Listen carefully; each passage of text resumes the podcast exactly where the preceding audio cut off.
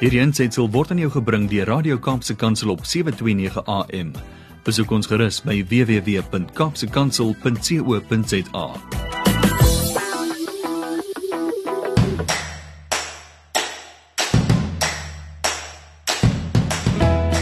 Dit is weer Saterdagoggend net na 7 en tyd vir Landbou Landskap op Radio Kaapse Kansel wat uitsaai op 729 AM en wêreldwyd gehoor kan word op die internet. Hartlike goeiemôre van my Willem van Jaarsveld, jou gasheer vanaf 7uur tot 8uur vanoggend.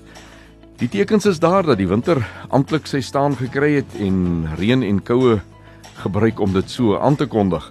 Rig jouself intussen gerieflik in met 'n koppie warm drinkgoed in die hand en dan ontspan jy in die geselskap van landbou landskap. Dit is vir my 'n voorreg om met jou te gesels oor landbou sake hier op Radio Kaapse Kansel. En dan vanoggend se program die volgende. Om 10 voor 7 kom saad vir die saaier aan die beurt. Vanmôre lees ons die bekende Psalm 23. In Kapstok wat aan die beurt kom om 7:20 gesels ons met Theo Boshoff, die hoof van regsadviesdienste by Agbus oor 'n artikel wat hy onlangs in Busweek geskryf het oor die ontwerpfoute in ons grondhervormingsbeleid. Net daarna kom Huis en Hart aan die beurt. Ons gaste in Huis en Hart is Kwagga Belcher wat ons meer vertel van die wynboer. Dan gesels ons met meneer Frans van Nulls, hy is die hoofuitvoerende beampte van Apex. En in die tweede helfte van Huis en Hart gesels ek met meneer Dirk Hanekom van Agriol Africa oor voorvereistes vir suksesvolle loodsing van nuwe boerderye in Afrika. En ons sluit huis en hart af met ons gereelde gesprek met Andre Diedriks oor familieboerderye.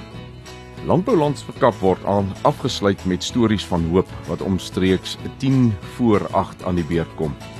Ons gesels vandag verder met Philip Geldnys van Kairos Gevangenisbediening en hy vertel ons meer oor die programme van Kairos binne in die gevangenisse. Landboulandskap word aan jou gebring met die komplemente van Cape Pots varsprodukte mark.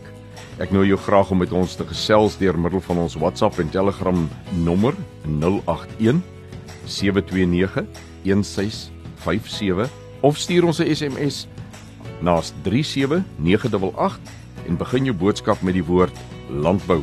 Ons gesels net hierna verder. Bly ingeskakel.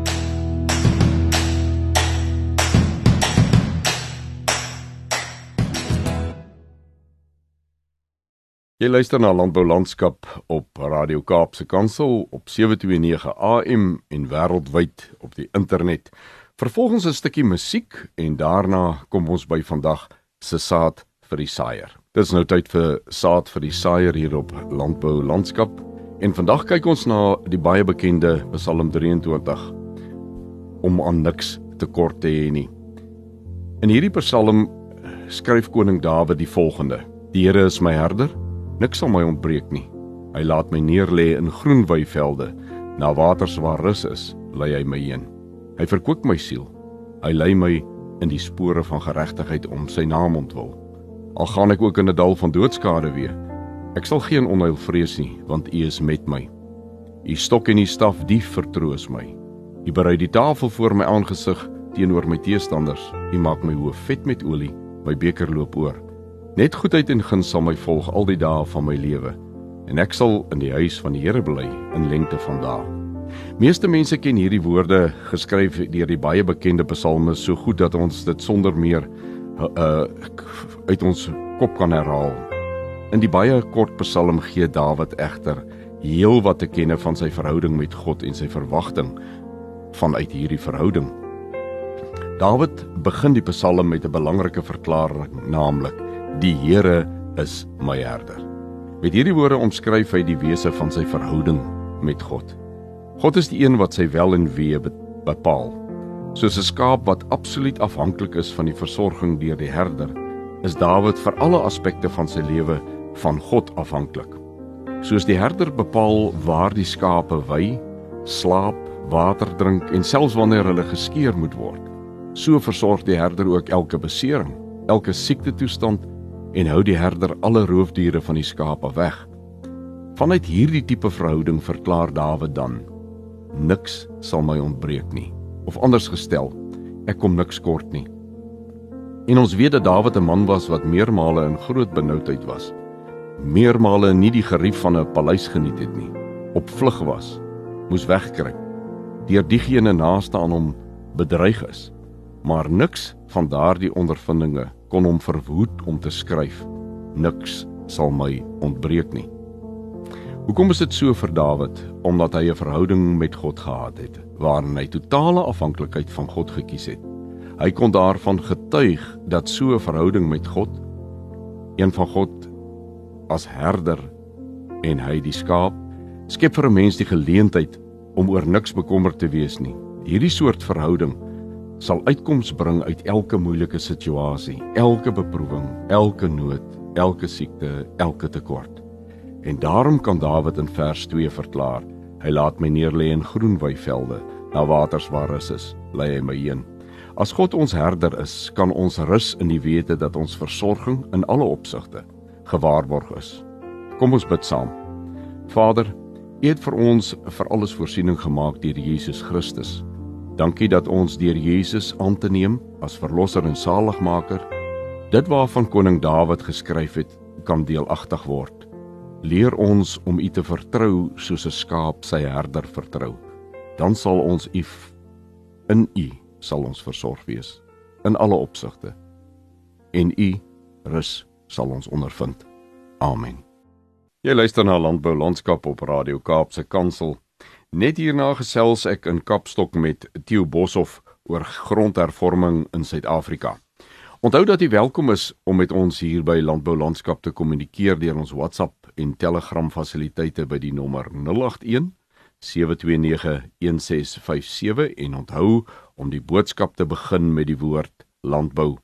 Ek is net hier na terug met Kapstok. Jy luister na Landbou Landskap en vanmôre gesels ek met meneer Theo Boshoff, die hoof van regsadviesdienste van Egbus oor 'n artikel wat hy onlangs geskryf het en daarin dit uitgewys het dat daar bepaalde ontwerpfoute in die grondhervormingsbeleid van Suid-Afrika is. Goeiemôre Tieu en sal jy sommer so met die wegspring vir ons meer vertel wat is jou siening rondom hierdie saak asseblief?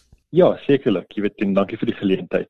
So eintlik jy weet die agtergrond van die artikel jy het gegaan oor die berigte jy weet dat veral in die Mpumalanga provinsie daar was 'n groot hoeveelheid uh, uitsettings jy weet of onregverdig of uh, wederregtelike uitsettings jy weet deur amptenare wat vir die departement van landbou werk. Jy weet spesifiek, jy weet nou vir die begunstigdes van grondhervorming. Ehm um, waar die bewering natuurlik was dat van die uitsettings was as gevolg van jy weet korrupsie. En dan het woorde waar 'n begunstigde gedreig word om te sê as jy nie sê jy weet seker uh, jy weet iets doen nie, dan dan gaan ons jou jy weet uitsit van die departement se kant af. So daar was nogal baie reaksie daaroor. Jy weet ons weet natuurlik die minister het die basies jy weet al hierdie uitsettings gestop en gesê dit moet eers 'n ondersoek wees. Maar dit is goed en wel. Ehm um, jy weet en ek dink daar is jy weet beslis jy weet jy kan met niemand stry as hulle sê die jy weet die korrupte elemente daar jy weet moet aangespreek word nie. Maar die punt wat ek eintlik probeer maak het is bo en behalwe dit. Daar is dis gebreke jy weet in die beleid, in die grondherverdeling jy weet beleid wat hierdie ruimte skep vir jy weet vir korrupsie. In ander woorde as as die hele proses die grondhervormings en veral die herverdelingsproses herontwerp word om van daai diskresie 'n bietjie uh duidelikheid te stel in terme van in watse omstandighede mag iemand uit, uitgeset word. En as as die persone 'n mate van jy weet eiendomsreg gegee word dan is dit nie so maklik nie. Dan is hulle nie effektiewelik uitgelewer jy weet na die diskresie van 'n amptenaar om te besluit um, ons gaan jou uitset of ons gaan jou nie uitset nie.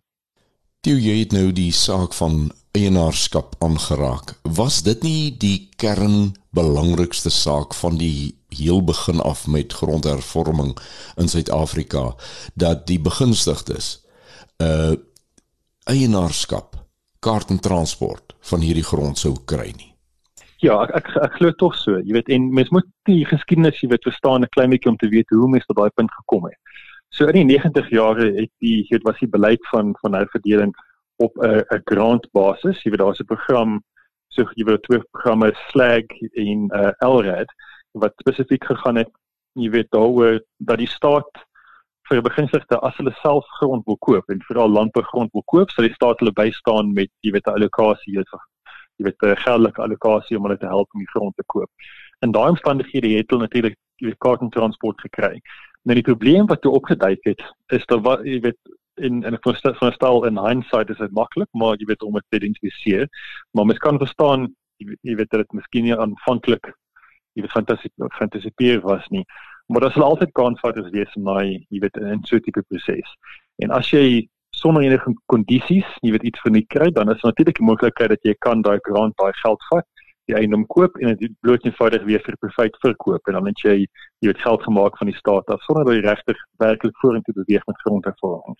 So die reaksie wat die staat toe ehm um, jy weet ge gemaak het is om die beleid te verander en te sê in plaas van 'n kaart en transport gaan hulle jy weet hierpag gee vir ehm um, jy weet vir die beginseltes van grondhervorming. So in ander woorde die staat betree dan self die mark en die staat sal dan self jy weet ehm um, in die onderhandel om grond te koop en dan in plaas van kaart en transport te gee vir daai beginsigtes sal dan hier pag gegee word. So ek ek mens kan dit rasioneel verstaan want mens is altyd bang dat bloot eenvoudig dat die kansvatters van natuurlik jy weet ehm um, 'n loophole vind jy weet in in in en daarmee wegkom. Maar om die hele beleid so drasties te verander en glo ek jy weet het tog hierdie ehm uh, nagevolge gehad wat mens nie aanvanklik jy weet kon kon sien nie. En ek dink dit is belangrik ook net jy weet om om uit te klaar. Jy weet jy kry jy kry hierpag en dan kry jy weet langtermyn hierpag. En daar's 'n geweldige groot verskil daartussen.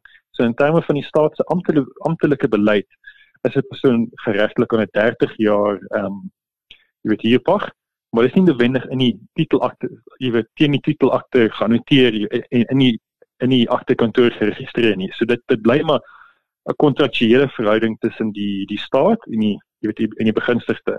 En daar was al studies gedoen weet wat wys dat daar geweldig baie voorbeelde waar die kondisies rondom hierdie huurpagte nie baie duidelik uiteengesit was nie. Van dit was ook nie langtermyn nie, van van dit is korttermyn sogenaamde caretaker agreements wat ehm um, jy weet wat wat ook natuurlik keer die die begunstigdes nie regtig kan investeer self in die grond nie want dit het nie daai sekerheid dat hulle byvoorbeeld vir 30 jaar die wenner die grond sal wees nie. So die voorstel wat mens gemaak het is eintlik met die leemte in hierdie in die beleid is dat dit skep daai omdat dit alles so informeel is. Dit dis dis bloot eenvoudig 'n beleid wat sê ons gaan nie kaart en transport gee ons gaan net eenvoudig jy weet die grond uit hier in beginstigte maar die kondisies is nie gestipuleer nie en dit is nie 'n langtermyn jy weet hier pag nie. Dit skep daai ruimte vir jy weet vir korrupsie. Ek dink dit is effektief 'n groot fout. Jy weet enige enige beleid wat ehm um, wat jy kan ignoreer, beteken daar's 'n fout, jy weet in die ontwerp van daai beleid. Want in wetgewing of 'n denklike beleid ehm um, is dit nie moontlik om dit jy weet om dit te daar is nie daai gaps en daai loopholes om dit te kan misbruik nie. Ek dink dit is wat moet verander. Ja, so mens dan dink eh, was dit eintlik die doel van grondhervorming om vir mense wat nie grond het nie of wat beweer het dat daar grond van hulle weggevat is weer sekerheid oor grondbesit sou gegee gewees het deur hierdie proses wat dan nou nie plaasgevind het nie. Ek sê vir jou baie baie dankie vir die tyd wat jy gemaak het om met ons te gesels vanmôre. Ons waardeer dit baie baie dankie. Dankie vir jou. Vervolgens kyk ons na 'n uh, artikel wat verskyn het op landbou.com onder die opskrif hoof van OBP geskort deur Joylene van Wyk. Dit lees as volg: Die uitvoerende hoof van Onderste Poort Biologiese Produkte, Dr Baptiste Dungu, is voorkomend geskort aanhangend of hangend 'n uh, ondersoek na verskeie beweringe teen hom, het me Renay Kenosi, voorsitter van die OBP direksie, bekend gemaak. Dit is baie baie slegte nuus vir uh, boere op hierdie stadium. OBP is 'n uh, baie belangrike skakel in die ketting vir uh entstowwe voorsiening in Suid-Afrika. Die feit dat daar ongeruimthede by hierdie instansie uh gevind is wat dit noodsaak om sy hoof te skors is regtig baie baie slegte nuus en gelukkig is dit ook net 'n geval van daar word gekyk na die beweringe. Ons hoop alles is nie die waarheid wat teen hom beweer word nie. Bly ingeskakel want net hierna is dit tyd vir huis en hart. Ons het vanoggend 'n propvol program met uh, gesprekke oor wynverkope onder baie ongunstige marktoestande, die belangrike rol van IPAC, die vereistes vir vestiging van nuwe boere in landbou en wanneer om die leiersels oor te gee in familiebesighede. Bly ingeskakel vir die baie insiggewende bydraes deur ons gaste. Na die volgende stukkie musiek is ek terug met huis en hart. Jy luister na Landbou landskap en hier op Huis en Hart is ons eerste gas vanmôre meneer Kwagga Belcher. Goeiemôre Kwagga. As goeiemôre Willem. Nou Kwagga is die uitvoerende hoof van The Wine Farmer. Kwagga vertel ons bietjie waar kom die Wine Farmer vandaan? Wat is sy doel en funksie? Ons sê Willem baie dankie. Ehm um, ons was so nege boere wat bymekaar gekom het uh, saam met die organisasie SAI Ehm um, in die Grendeltydperk van 2020 waar ons gesien het daar's 'n baie groot behoefte vir aanlyn uh vir 'n aanlyn winkel vir familiewyne en ook vir bemarking in die platteland. So basies wat ons toe gedoen het, ons is uh nege boere wat toe besluit het uh uit uit 'n uh, klomp verskillende wynareas in Suid-Afrika uh laat ons hierdie ehm um, inisiatief saam saai gaan aanpak en uh ons het hom begin, ons het hom geloods uh hier einde Oktober in uh, 2020. En ehm um, ja, ons is al sterk aan die gang. Ons het 'n kwartaal na ons stigting het ons nog 11 plase bygevoeg. So heidaglik staan ons op 20 plase uit 14 wynstreke reg oor die Kaap. Kwagga en uh, uitsluitlik om uh, eintlik so half self betrokke te raak by die uh bemarkingslyn. Is is dit reg? Verstaan ek jou reg? Ja definitief ook in die bemarkingslyn waar ons nou um, 'n um, groter groep ouens uh, bymekaar is uh, kan ons nou na die uh, buite uh, jy weet die buitewyke van die plattelandsareas waar 'n uh, ou se uh, verkoopsverteenwoordigers nie normaalweg uitkom nie uh, kan ons nou uh, op fokus en uh, ja basies basies is dit 'n uh, is dit 'n vir ons net so groot bemarkingsveld tog. Uh en ons sal nou sê die web die webwinkel is amper soos ons basis waar waarvandaan ons werk en uh dan dan uh, ons ons woon 'n paar uh, klein wynfeeste en daai klas van goede by wat 'n ou nie normaalweg as 'n plaas alleen sou bywoon nie. Ek het ook verneem dat jy redelik gereeld wynproe aande Ehm uh, lyk my reg deur die land. Ek het gedog dis eers net die Wes-Kaap, maar nou het ek al ook gehoor van sulke geleenthede elders in die land en meer in die noorde. Is dit reg? Dis 100% reg. So ehm um, wat ons gewoon is uh, as ons 'n as ons 'n wynskou, soos ons het nou in April maand het ons die die die eerste van sy uh jy wel die eerste um, uh bietjie wynfees wat in Warmbad aangebied was het ons gaan bywoon en somme op die toer wat ons opbeweeg het daai kant toe 'n hele week daar gebly en uh na plekke soos Valwater, Nylstroom uh en en en en um, 'n paar 'n paar omliggende gebiede het ons so in 7 dae ehm um, elke dag 'n uh, verskillende wynproe aangebied ook in in verskillende streke. Kwagga as daar nou mense luister en hulle wil self of weet van hulle familie en vriende elders wat sulke wynproe geleenthede sou wou aanbied. Hoe gaan hulle te werk?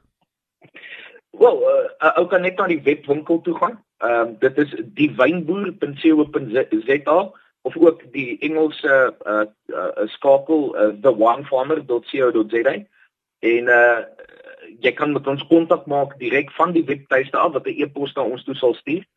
En ehm um, uh, wat ons doen ons ons uh, on, ons uh, hoe kan ek dit nou sê as ek die Engelse woord mag gebruik ons custom uh, 'n uh, wynproef vir 'n persoon as hy vir ons sê hierdie is die begroting wat ons het ehm um, uh, hierdie is ons behoefte dan kan ons volgens dit werk en 'n uh, wynproef gaan aanbied by ehm um, het sy is dit 'n gastehuis of 'n funksie of 'n saal of 'n gasteplaas of selfs by 'n persoon se huis. Ehm um, as dit 'n groepie vriende is of dit 'n wynklub is uh of dit 'n fondsinsameling is, uh, uh het sy is dit vir die kerkie skool of die boerevereniging, dan kan ons ehm um, dan kan ons dit custom presies soos hulle dit soek en uh ja basiese kwotasie gee. En ons gebruik ook daai tipe geleenthede om ook 'n bietjie wynverkope te doen. Kwagga baie baie dankie vir jou tyd vanmôre dat jy met ons gesels het en baie baie dankie vir die inligting wat jy gegee het. Ek uh, hoop regtig die mense uh val jou toe met versoeke. 'n Baie geseënde dag vir jou verder. Willem vir julle ook baie dankie groete. Dankie Kwagga. Bly ingeskakel net hierna gesels ons met meneer François Knowles, die hoofuitvoerende beampte van Apex. Jy luister na Landbou Landskap, Huis en Hart en ons soos beloof gesels ons met meneer François Knowles, hy is die hoofuitvoerende beampte van Apex. Goeiemôre François. Goeiedag Willem, baie dankie vir so 'n geleentheid om met jou en jou luisteraars te gesels. François, waarvoor staan die afkorting APAC? Willem, APAC is die akroniem vir Agricultural Produce Agents Council. In Afrikaans beteken dit die landbouprodukte agente raad. En die bedryf is ons egter onbekend as APAC. Wat is die rede vir die bestaan van APAC? Ons rede is baie eenvoudig. Ons het 'n primêre fokus en dit is om die om met verantwoordelikheid die belang van die produsent in Suid-Afrika te beskerm. Dan het ons 'n sekondêre doelwit en dit is om die agente bedryf, die agente wat verantwoordelik is vir die, die kommersiële kommersiële aktiwiteite van 'n boer om dit te beskerm, uit te bou en te bevorder. Met ander woorde, as ek jou reg verstaan, IPAC is onverbonde tot enige van die ander rolspelers in die landbou en is eintlik 'n waghond oorsig tipe rol. Is dit reg? Dis heeltemal korrek. Ehm um, ons is onafhanklik, ons reguleer namens die namens die industrie en ons uh, fokus op die etiese werksomhede van al die rolspelers in hierdie uh, waterketting. Dit is waar ons fokus. Is daar in julle rol enige voordeel vir die verbruiker van landbouprodukte? Absoluut. Ehm um, in die waterketting is die verbruiker um, aan die ontvangkant en jy op die einde en in hierdie ketting moet ons seker maak dat die werksaamhede eties is, dat die landbouproduk agente ehm um, korrek optree en dat hulle dan ook die produk waarmee hulle werk, dis nou leefbaarhawe en varsprodukte, dat dit in 'n uh, ongelooflike goeie ehm um, gehalte en in 'n in 'n goeie formaat by die produsent sal uitkom. So ek dink ons uh, verskaf daar versekering aan die produsent. Ons kyk na hulle en dit is deel van ons werk wat ons met passie doen. Is dit reg om te sê Apex is nie gelokaliseer nie. Dis nie met ander woorde net in die Wes-Kaap waar daar nou groot uh, klem op uh, uh uitvoerprodukte en dis meer is nie. Julle is eintlik in die hele waardeketting sover dit bemarking van landbouprodukte uh aangaan is julle betrek betrokke is dit so reg so Wel en dis inderdaad so um, ons reis die hele land vol. Ons uh, is oral betrokke waar ons uh, in ons opinie waarde kan toevoeg uh, vir die boer die verbruiker en elke rolspeler in hierdie um, pragtige waarde dan so ehm um, dit uh, verg 'n bietjie uh, moeite tyd. Ons is ehm um, baie besig maar ons doen dit met groot oorgawe. En Apex Apex se bestaan word onder uh, lê deur wetgewing is dit reg? Dis korrek. Um, ons um, mandaat is Wet 12 van 1992 en ek glo ons sal in die toekoms baie daaroor gesels. François ek is bly verwys daarna in jou bereidwilligheid om uh, met ons daaroor te gesels want ek dink die onderwerp leen hom daartoe dat ons die verbruiker baie meer inligting kan gee so ook vir die boer. Ek het agtergekom dat baie boere is wel beke uh, bekend met Apex, maar daar's ook boere wat nie heeltemal weet uh, wat Apex doen nie. En daarom gaan ons werk aan 'n reeks oor Apex, julle werksaamhede en dis meer en baie dankie dat jy ingestem het dat ons dit in die toekoms sal kan uitsaai. Maar vir vandag sê ek vir jou verskriklik baie dankie dat jy tyd gemaak het om met ons te gesels en ek sien uit na die gesprekke vorentoe om uh die reeks saam te stel. Willem, ek wil vir jou net dankie sê um, en dan baie pertinent vir ons boere. Die werk wat hulle doen is ongelooflik en um, ons as Apex um, waardeer dit uit ons harte uit. Ons werk ons vingers stomp vir hulle en ons sal alles doen wat nodig is om hierdie bedryf um, in die regte etiese manier te hanteer en te bestuur. Dit was meneer Frans van Nulls van Apex en bly ingeskakel net hierna gaan ons aan met hy se hart en ek gesels met meneer Dirk Hanekom van Agri All Africa. Jy luister na Huis en Hart en vir ons gesprek met meneer Dirk Hanekom, die hoofuitvoerende beampte van Agri All Africa het ons vir jou een vraag vanmôre Dirk en dit is wat is die belangrikste vereistes om suksesvol swart kommersiële boere in Suid-Afrika, Afrika te vestig. Môre Willem en uh, ook goeiemôre aan die luisteraars. Willem is 'n kritieke vraag. Die die vraag wat jy stel is eintlik die wese van om 'n om 'n om 'n langtermynkaartjie in landbou uit te hou. Uh die die enkel belangrikste aspek wat ek sou sê is um, en dis ons uh, persoonlike sienwyse is om die geloof te hê jy kan kan maak werk. Ehm uh, daarvoor hou ons aan die Skepper vas maar daarvoor moet ons uitstekende uh, projekbeplanning doen net soos wat ons dit doen in Suid-Afrika. Dit beteken dat jou omgewingsstudies, jou water, jou grond, jou markte, jou infrastruktuur, al daai aspekte is net so belangrik uh, wanneer jy vorentoe gaan. En die die aspek wat ons gevind het in Afrika is om 'n model vir hulle te gee.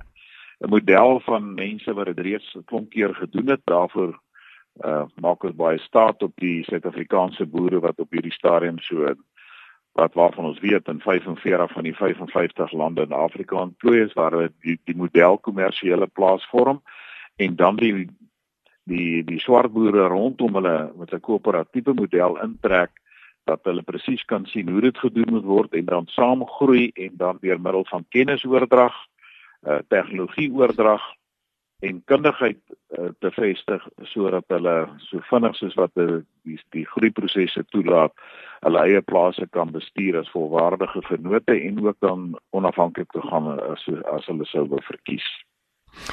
Ek sou sou sê dis die eerste en belangrikste aspek om dit in, in met daai benadering te doen. Jy het nou baie belangrike twee belangrike goed genoem. Daar moet deeglike beplanning wees en in die tweede plek 'n model En ek wil vir jou net oor die model 'n bietjie vra. Dit klink vir my die belangrikste van 'n model is dit moet herhaalbaar wees.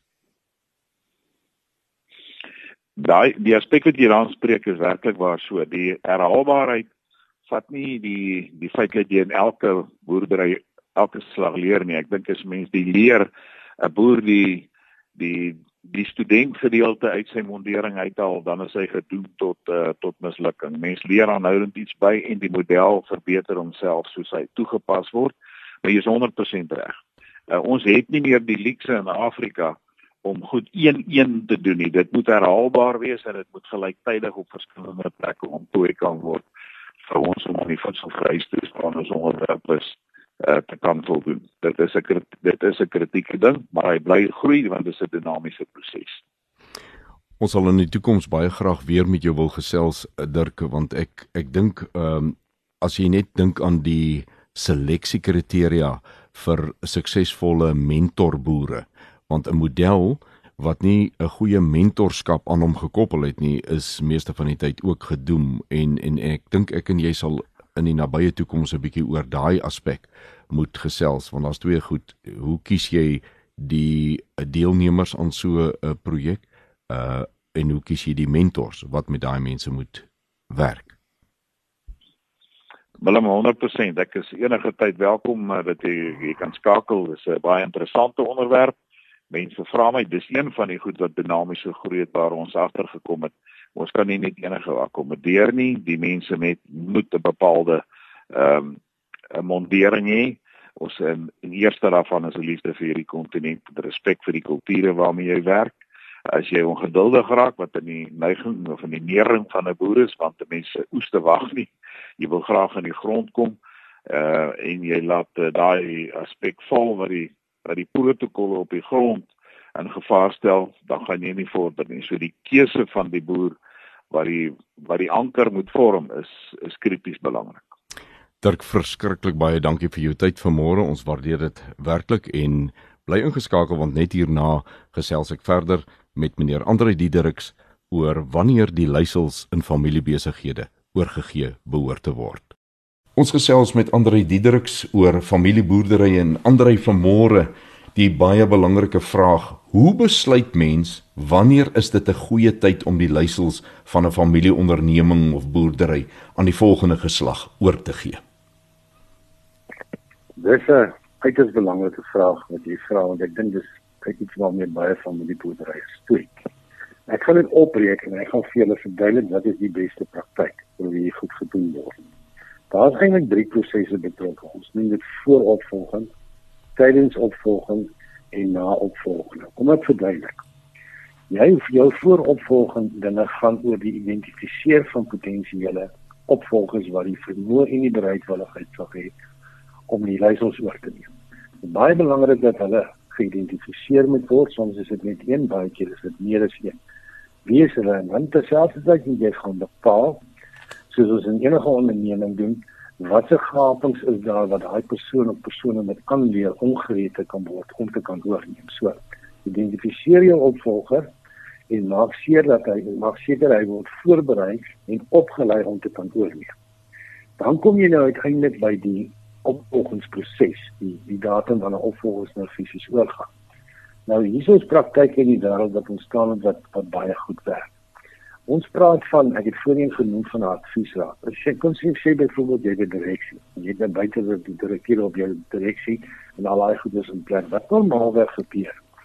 Wanneer kinders reg is om die leiersels oor te neem, dan verander die rol van bestaande eienaar bestuurders, sien nou maar die pa. En dat hy op die adviesraad gaan dien in 'n nie uitvoerende hoedanigheid. Dis die beste praktyk in die wêreld. Vat Kongo Gumi byvoorbeeld die huise van meneer onderneming in die wêreld wat in 578 al op die Japaneese tempel bou. Hulle is in die 51ste generasie wat hulle doen is elke keer wanneer die nuwe noem dit nou maar CEO oorneem dan word die bestaande CEO die voorsitter van die direksie en dan hy voel in oordanigheid. Hoekom is dit belangrik? Want dit gaan dit sluit aan by die naopvolgingsproses. Dit is baie belangrik dat jy ou nie die vaardigheid van die mense, die paare wat die jare daar was, nou skielik net hier afsny. Ja. Dan net verder voortgaan. Hmm. Dit is my groot gevaar. Ek en so hou wil daai persoon betrokke hou na die tyd ook as daar dringende vrae is of daar klankwoord nodig is, dan daai persoon persoon nog steeds beskikbaar is. So glo nie in hierdie ding van die pa stap net uit en hy gaan tree af by die plek en die kinders moet nog aankar en dit is nie 'n goeie idee daar moet nog altyd 'n mate en 'n beste manier om dit te doen is bly op die direksie, bly selfs voorsitter van die direksie. Maar doen dit in 'n nie uitvoerende danigheid sodat die kinders die verantwoordelikheid van die proses kan begin verstaan en begin bedryf. So om jou vraag in kort te antwoord is dat dit is 'n geleidelike proses, maar daar's voor vooropvolging, tydingsopvolging en naopvolgingsprosesse wat in plek moet wees, dan gaan jy volhoubaarheid verseker. Ja, Andre, uh, hierdie gladde oorgang soos jy dit nou beskryf het, is 'n uh, is, is so belangrik dat die beste voorbeeld van hoe belangrik dit is is in boerderye waar die pa skielik wegval en skielik ja. moet die kroonprins recht, ja. wat op daai stadium nog nie eers baie mooi geïdentifiseer is nie, moet nou oorvat. Ja. En die legio van probleme wat 'n mens sien daaruit voortsproei, spruit is eintlik jy gun dit vir niemand nie. Veral, veral die uh, man wat ontslaap het se vrou as sy in die boerdery dan nou nog ook versorg moet word. Jo, dit is nagmerries. Ja, ek het ek het hierdie ding in die taal belewe toe as jy vra nie opvolg kan hier eerste vraag wat jy vra is daar opvolg. Die volgende vraag wat jy vra, wat gebeur as die bestaande bestuur vandag wegval? Ja. Ja. Wie gaan oorneem? Dis dit in in, in daai plaas is daar 10 jaar geseën en dis dit is hierdie pa maar dan met die ma oor neem die ma aan die ander kant van die tafel sê vir my jy seker vir jou kop af hoe moet ek die boerdery maak? Hmm. jy verstaan emosioneel is hy net nie reg nie. vasgevang exact. Ons het daarop daai en 'n persoon gaan identifiseer van buite af op die plaas van bestuur toe die geen geweet is om dit oor te neem. Daai persoon moet geïdentifiseer word en met hom onderhandel word en sy naam moet ingesit word. Jy moet wat gebeur. As die pa voor kom sê voortydig wegval. Absoluut. Andre vreeslik baie dankie Uh ek waardeer regtig waar die insig wat jy met uh, my en die luisteraars deel. Waardeer. Dit is regtig 'n plesier. Jy luister na Landbou Landskap en dit het nou tyd geword vir ons weeklikse stories van hoop. Ons sit vanmôre die gesprek met meneer Philip Geldenhuys voor. Hy het verlede week met ons gesels oor die Kairos gevangenisbediening. Goeiemôre Philip. Goeiemôre Willem. Philip, eh, ek sal baie graag wil hê jy moet meer uitbrei vandag oor die program wat jy in die uh, tronk self met gevangenes uh, deurwerk. Willem, ja, uh môre aan die luisteraars. Man, ons het eintlik twee programme wat ons binne in die gevangenis doen. Die een is uh waar ons met vol, volwasse mans of vrouens binne in die gevangenis werk. En dan is ook een wat ons in die jeugsentrums doen wat ons die Torch program noem. Nou die jeug is gewoonlik tussen 18 en 25 jaar oud. Maar dit is 'n effens anders program want na die naweek wat ons in die tronk is, het ons nog vir 13 sessies daarna het ons wat ons 'n uh, 'n mentorskap met met die manne in die gevangenis een op een het. So vir elke gevangene is daar een mentor wat 13 weke in in die na die naweek inkom om met hulle die pad te stap. Maar vanoggend gaan ek bietjie vir jou meer met jou deel oor die oor die inside program wat wat meer oor die volwassenes gaan. Uh dis basies 'n 4 dag uitreik en dit word jaarliks een keer 'n jaar word so naweek gehou. Gewoonlik het in die einde van die jaar en die manne het nou al reeds begin met hulle opleiding. Nie so seer opleiding maar meer spanbou wat hulle as 'n as 'n een eenheid kan kan gebond raak en en deel van mekaar raak en so die jaarlikse Kairos uitreik wat nou 4 dae is word deur Christen vrywilligers aangebied volgens 'n goed ontwikkelde program. Dit die die jaarlikse uitreik begin gewoonlik op 'n donderdagmiddag en eindig die Sondagmiddag. Ons glo ook dat die hierdie naweek God se spesiale tyd vir elke gevangene in die gevangenis is. Gedurende die uitdruk word verskillende onderwerpe behandel, onder andere die onderwerp keuses wat gewoonlik die heel eerste onderwerp is. En dit is dan ook tydens hierdie besprekings dat 'n mens agterkom dat baie van die gevangenes nog van hulle kinder ja, kinder kinderdae omstandighede tot in hul volwasse lewe nooit regtig die geleentheid gehad het om regte keuses uit te oefen nie. Die Kairos program, uitdruk program eindig op die Sondag met 'n afsluiting. Die vrye gemeenskappe buite die gevangenis word uitgenooi om die afsluiting by te woon en om na die positiewe getuienisse van die inwoners te kom luister. Die uitreik ver aansienlike logistieke voorbereiding wat nie sonder die Christen gemeenskapsgebed en ondersteuning kan plaasvind nie. Maandeliks hou ons reunies Gewoonlik na die uitreik word maandelikse reunies een Saterdagoggend per maand in die gevangenis gehou om al die gevangenes wat Kairos uitreike in die verlede bygewoon het te bemoedig en geestelik te ondersteun. Klein groepe tussen gevangenes word ook ges, uh, gestig. Gewoonlik kom hulle Vrydag bymekaar en hulle bid in ondersteuningsgroepe vir mekaar. Korrektiewe dienste identifiseer vir ons 30 tot 60 gevangenes, hoofsaaklik bendelede en al en al leiers wat aan die vierdag program mag deelneem. Gevangenes wat langtermyn vonnisse uitdien word ook uitgenooi om Kairos uitreike by te woon. Die Kairos span rig dan aan elkeen van hierdie gevangenes 'n persoonlike uitnodiging per brief om hom uit te nooi na die naweek. Die gevangenes word gewoonlik residents genoem om die klem van die gevangenskap af te haal van die manne af. So dis in kort wat ons wat ons wat ons doen Willem. Uh ja, ons ons ons soos ek sê, daar's verskillende praatjies deur die deur die 4 dae. Daar's baie musiek betrokke en wat ook belangrik is, ons ons ons maak vir hulle kos aan die buitekant. So hulle kry glad nie op daai naweek gevangeniskos nie. Daar's vroue aan die buitekant wat vir hulle kos maak en dis ook deel van wat ons noem ekapay liefde van die kos word spesiaal vir hulle gemaak en word met moeite vir hulle gemaak. So ja, ons het al in die verlede gevind dat dat kos 'n geharde gevangene tot op sy knieë kan dwing. So dis al die klein goedjies, die liefde van Jesus wat ons invat wat gewoonlik die manne ja, ek, as ek die woord uitbul kan gebruik, hulle hulle, hulle ken nie dit nie. Hulle hulle hulle weet nie van van daai soort van liefde nie. Maar uh die aard van die saak kan ons niks invat nie. So al wat ons regtig kan invat is die liefde van Jesus. Philip, dit is uh dis goed om te hoor dat daar sulke bedienings uh in die wêreld waarin ons leef is. Daardie mense ken waarskynlik voordat jy die liefde van Jesus aan hulle bring glad nie enige liefde nie. En dit maak al die verskil. Ek sê vir jou baie dankie vir jou tyd vir vandag, maar ek gaan baie graag uh, volgende week met jou verder wil gesels, dan kan ons 'n bietjie meer klem lê op hoe kan mense op watter manier betrokke raak by jou. Sekerlik, sekerlik Willem. Baie baie, baie dankie vir jou tyd. Dis ons plesier.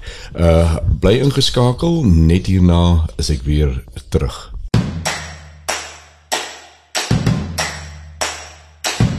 En so het ons uurglas vanoggend weer eens leeggeloop.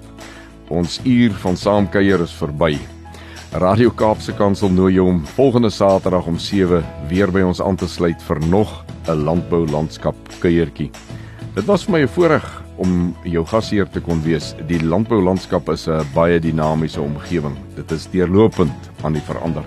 Daar is altyd nuwighede om van kennis te dra. Dit is in landbou waar jy die woorde van Jesus dat 'n koringkorrel eers moet sterf voordat hy vrug kan dra, eerstens leer verstaan. Dit is my voorreg om daardie wêreld met jou te deel. Ek wens jou 'n besonderse dag verder toe en dankie dat jy saamgekuier het. Baie dankie aan Cape Pots varsprodukte mark wat landbou landskap moontlik maak. Onthou om met ons te gesels op WhatsApp en Telegram op die nommers of 'n een nommer 081 729 1657 of per SMS op 37988. En moenie die eerste woord van elke boodskap vergeet nie. Jou boodskap moet begin met die woord landbou. Tot ons weer saam kuier volgende Saterdag om 7uur hier by Radio Kaapse Kansel op 729 AM. Groet ek Willem van Jaarsveld en mag jy elke oomblik Vader se guns op jou lewenspad beleef. Bly gerus ingeskakel by Radio Kaapse Kansel vir ons volgende program wat net hierna begin. Wederom.